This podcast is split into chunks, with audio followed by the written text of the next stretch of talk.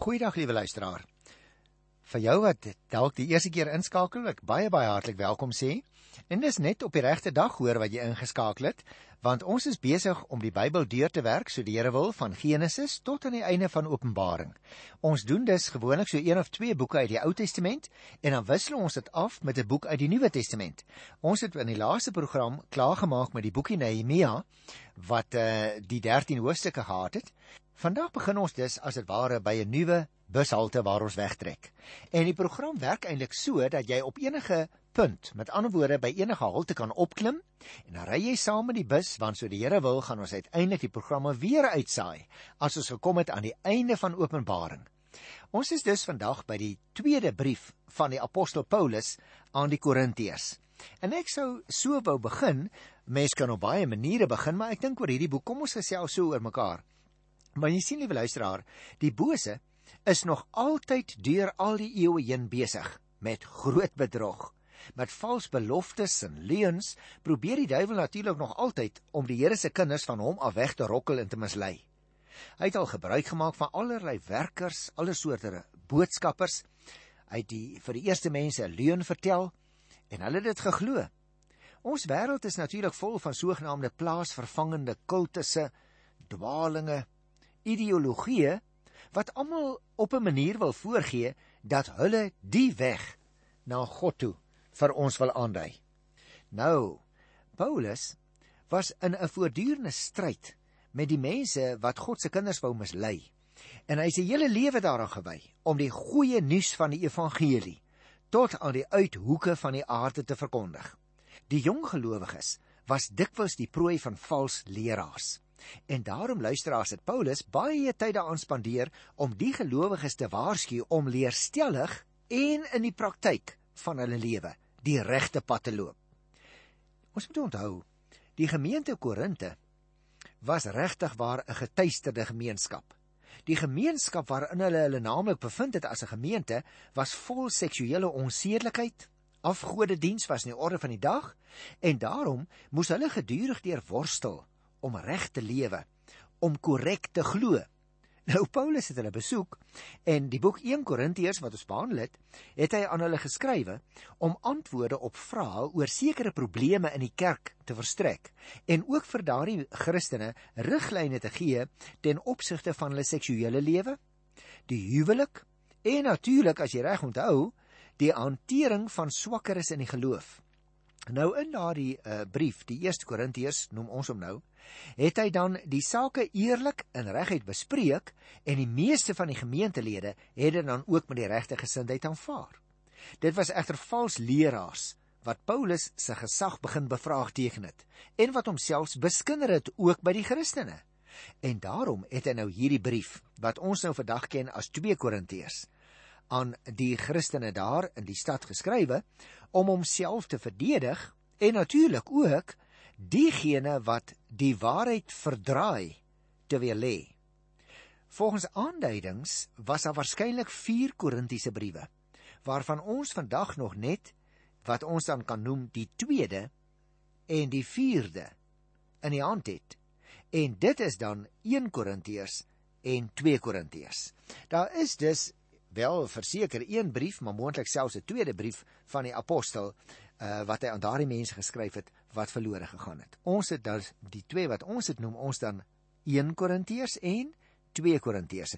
Nou wil ek dadelik sê luisteraars, dit moes nie vir die apostel maklik gewees het om hierdie tweede Korintiërbrief te skryf nie, want hy moes die gelowiges omtrent sy eie hoedanighede as apostel inlig. Hy moes homself as dit ware verdedig as 'n apostel by hulle. En hy het dit gedoen ter wille van die geloofwaardigheid van die evangelie. Hy het natuurlik ook geweet dat die meeste gelowiges in Korinte wel sy woorde ter harte geneem het en reeds besig was om in geestelike volwassenheid toe te neem en te groei. En daarom wou hy hulle toewyding aan Christus versterk. As 'n mens dus hierdie brief 2 Korintiërs lees, dan sou ek vir jou wou sê, kom ons lees hierdie intieme en 'n baie persoonlike brief. En dan luister ons na Paulus se woorde van vermaaning en liefde ook vir onsself. Laat ons dus onsself by hernuwing, liewe luisteraar, wy aan die waarheid van God se woord wat so in die gedrang kom in hierdie tyd waarin ons lewe. Laat ons ons opnuut voorneem om alle valse leringe se muur te verwerp en getrou volgens die waarheid Jesus Christus te lewe. Want dit is presies waaroor dit gaan en waarom die oproep ook gemaak word tot die Christene in Korinte van destyds. Breedweg sou ek miskien net wou sê ek sal dit uitwys soos wat ons volg met die brief. 'n Mens kan die 2 Korintiërs brief in 6 hoofafdelings indeel. Daar's 'n indeling en dan verduidelik die apostel wat hy doen in die tweede gedeelte. In die derde gedeelte verdedig hy dan sy bediening. Vierdens verdedig Paulus die insameling van geld vir die gemeente in Jerusalem wat arm is. Die vyfde afdeling handel oor sy verdediging van sy eie gesag as apostel. En dan kry mens uiteindelik so 'n paar slotvermaanings en groete wat hy aan sekere persone rig. Met ander woorde, in hierdie brief in sy totaal luisteraars verduidelik die apostel hoe 'n ware Christelike bediening moet uitsien. En hy gebruik sy eie bediening as 'n voorbeeld. Hy doen dit omdat sy gesag opsetlik deur sommige mense in Korinte ondermyn is en hy ook nog boonop biskinder is, soos ek net nou vir jou vertel het. Dit is dus 'n baie belangrike brief vir enige persoon wat betrokke raak by dienswerk aan die Here Jesus Christus. Hoekom sou ek dit sê? Omdat ons vandag baie hieruit kan leer vir ons eie bediening elkeen. 'n Mens, liewe luisteraar, wat in die bediening staan, moet soos Paulus sekere eienskappe hê. Hy moet onbesproke van karakter wees hy of sy.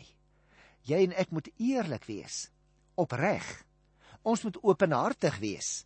En dan moet ons ook nog die nodige selfvertroue hê. Ons moet vir ons medemense omgee en ons moet bereid wees om vir die Here Jesus Christus swaar te kry en te ly as dit nodig sou wees. En dit is al hierdie fasette van Christen wees wat baie duidelik in hierdie brief na vore kom. So as ons nou kom by die eerste versie, dan vorm dit wat ons uh, gewoonlik vir mekaar sê die brief aanhef. Met ander woorde, daar handel dit oor die begroeting, oor die adres as jy wil in ons tyd. Kom ek lees dit van Paulus, 'n apostel van Christus Jesus, deur die wil van God en van die broer Timoteus aan die gemeente van God in Korinte en aan almal wat aan die Here behoort in die hele Agaia. Nou moet ons dadelik onthou, uh, liewe luisteraar, Paulus het Korinte tydens sy tweede sendingreis besoek en 'n gemeente daar tot stand gebring. Gaan kyk maar in Handelinge 18 by die eerste vers. Hy het later 'n paar briewe aan die gemeente geskrywe en twee daarvan is dan vir ons in die Bybel opgeneem. Sy eerste brief aan die Korintiërs het verlore geraak. Die tweede is die boek wat ons ken as 1 Korintiërs. Die derde brief het weer verlore geraak en die vierde brief het vir ons behoue gebly as 2 Korintiërs. Nou het hy natuurlik sy brief 1 Korintiërs geskryf om die gemeente te help om praktiese vrae wat opgeduik het te beantwoord en die verdeeldheid wat daar onder die Christen daar was op te los.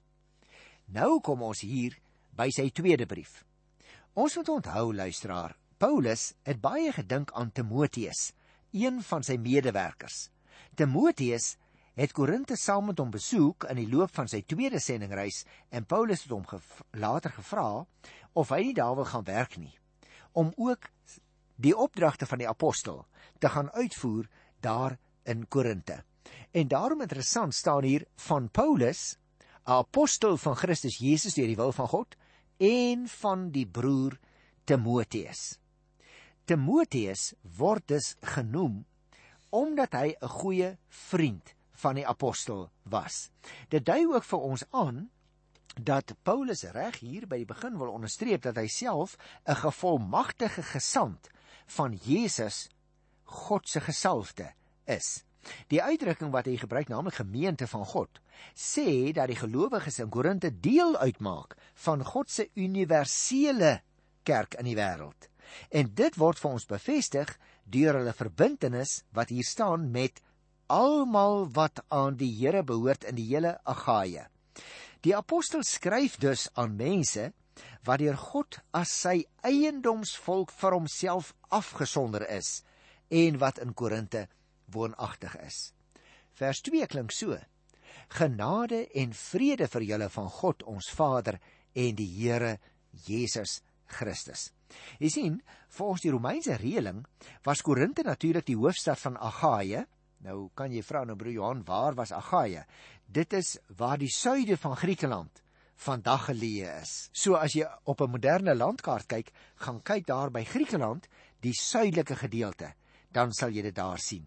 Nou wil ek ook sê dit was 'n baie vooruitstrewende handelsstad.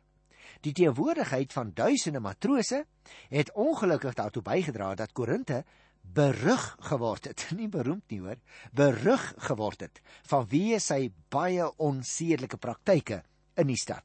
Die stad het trouens bekend gestaan as een van die mees onstedelike stede in die wêreld van daardie tyd. Daar was baie afgodstempels, daar was baie prostitusie, daar was baie afgodsdienste wat hoogtyd daar gevier het in Korinte. Ek het 'n vorige keer vir jou gesê wat dit miskien nog vererger het, is dat daar aan weerskante van die stad 'n hawe was. Aan die een kant Legaion en aan die ander kant die hawe stad Kengree. So oos en wes en suid en noord het mekaar ontmoet daar in die wêreldstad Korinte. Dit het so erg geword dat die Griekse woord vir onsedelikheid later verband gehou het met die stad se naam. Die Christelike gemeente in die stad Korinte het dus met baie geweldige versoekings en druk op hulle as gemeente te kampe gehad. Nou luisteraar, as 'n mens nou hierdie tweede versie mooi lees, dan sien jy wat staan daar? Genade en vrede vir julle van God ons Vader en die Here Jesus Christus. Met ander woorde, aan hulle bewys God en die opgestane Here Jesus Christus sy guns. Wat Paulus noem hier genade. En skenk die Here aan hulle die vrede wat eie is aan sy heilsbedeling wat in Christus Jesus tot stand gekom het in hierdie wêreld. En nou kom ons by die tweede klein afdelingkie hier, want ek het net nou vir jou gesê die eerste afdeling behandel eintlik maar net die inleiding. Nou hier van vers 3 tot by vers 11 het ons dan danksegging na 'n moeilike tyd. Kom ek gesels eers daaroor voordat ek in detail daarop met jou ingaan. Dit gaan hier eintlik, liewe luisteraar, oor 'n lofsang oor God se ontferming. Jy sien in Paulus se briewe word die briefopening telkens gevolg deur danksegging. Die uitsondering is die boek Galasiërs waar 'n baie kort lofroep deel uitmaak van die briefopening en ook dan 2 Korintiërs en Efesiërs waar die briefopening gevolg word deur daardie besondere soort lofsegging waar 'n lofroep opgevolg word deur die redes waarom die Here geprys moet word. Hier vind ons dus in die uh, aanhef van 2 Korintiërs die lofroep in vers 3 en die redes vir die lof van vers 4 tot by vers 11. Dit is eers in 'n uh, eh, later gedeelte vers 4 tot 7 wat in die algemeen gehandel word oor God se bemoediging en leiding. Nou kom ons lees net vers 3 eers. Dan gesels ons so 'n bietjie met mekaar daaroor. Aan God, die Vader van ons Here Jesus Christus, kom al die lof toe. Hy is die Vader wat hom oor hom ontferm en die God wat in elke omstandigheid moed gee.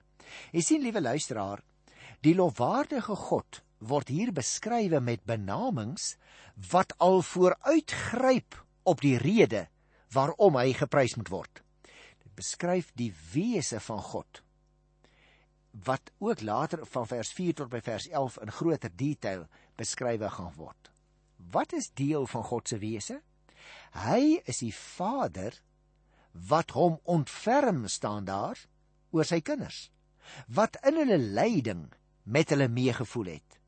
Dis 'n wonderlike ding, liewe luisteraar, want jy en ek moet altyd onthou by ons hemelse Vader, bly dit nie bloot by 'n saam voel met sy kinders oor hulle lyding nie. Hy is ook die God wat in elke omstandigheid moed gee, staan daar. Met ander woorde, Dit gaan hier om die feit dat God die een is wat daadwerklik optree om aan jou en in my nood iets te doen. Hy wil ons in elke omstandigheid, skryf Paulus, moed gee. Nou in hulle nood word hulle dus bemoedig deur die wete dat God aan hulle uitkoms gee. Wat dit alles inhou. O, daar gaan die apostel nou praat in die volgende klompie verse. So ek wil nie nou al vooruitgryp nie. Kom ons kyk nou hier by vers 4 tot by vers 5. In elke moeilikheid bemoedig God ons. Daarom kan ons weer ander bemoedig wat in allerlei moeilikhede verkeer. Ons kan hulle bemoedig met dieselfde bemoediging waarmee God ons bemoedig. Want net soos daar vir ons 'n oorvloed van lyding is ter wille van Christus, is daar ook vir ons 'n oorvloed van bemoediging deur Christus. Jy sien, as die mense nou verder lees, dan sien ons die danksegging wat Paulus nou net genoem het in die eerste 2 verse. Hy sê daar is verskillende redes voor. En spesifiek hier van vers 4 tot by vers 11 noem hy dan van, van daardie redes. Hy sê God het meegevoel met sy kinders in hulle lyding. Die Here gee dus ook moed. En hy doen iets aan jou en aan my ook wanneer ons swaar kry. Net so kan Paulus sê hy ook ander bemoedig omdat hy self deur Christus bemoedig is. En dis vir jou of my baie belangrik. Liewe luisteraar, moet tog asseblief nie elke dag net sit en kla oor al jou siekte nie. Moenie net sit en kla en kerm oor al jou probleme nie. Want jy sien, God het jou begenadig deur Christus in jou lewe in te stuur. Net so kan jy dus ander begenadig en bemoedig omdat jy self 'n begenadigde is. En as jy en ek almekaar sou sit en kla en kerm en geen troos verander het nie, dan klink dit amper asof ons die troos van Christus nie deelagtig geword het nie.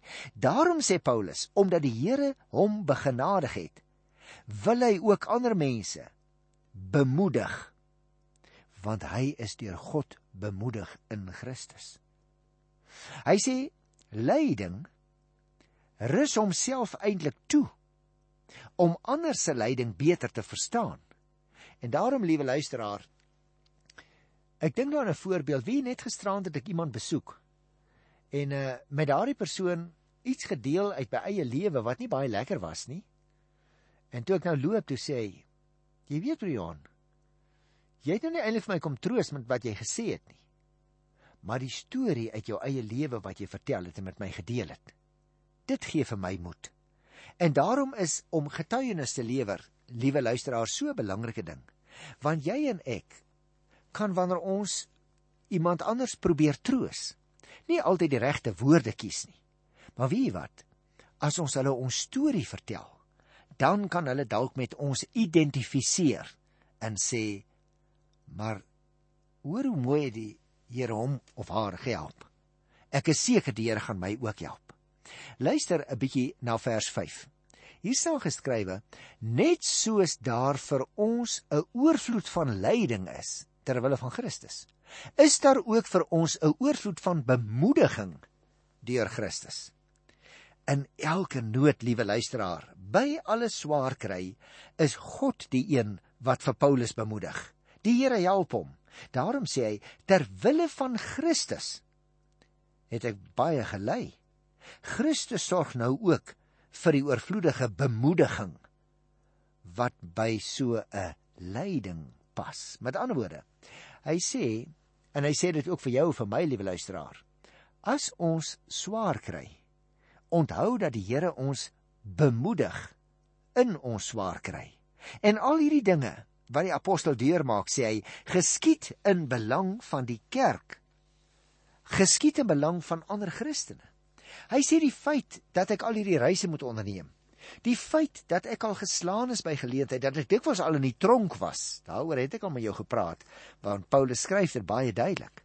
Hy sê al hierdie dinge is ter wille van Christus. En daarom wil ek ook vir julle aanmoedig om in julle omstandighede, al is dit soms moeilik, vas te byt. Ek wil julle bemoedig as julle swaar kry. Vers 7. En wat julle betref, ons het 'n vaste verwagting.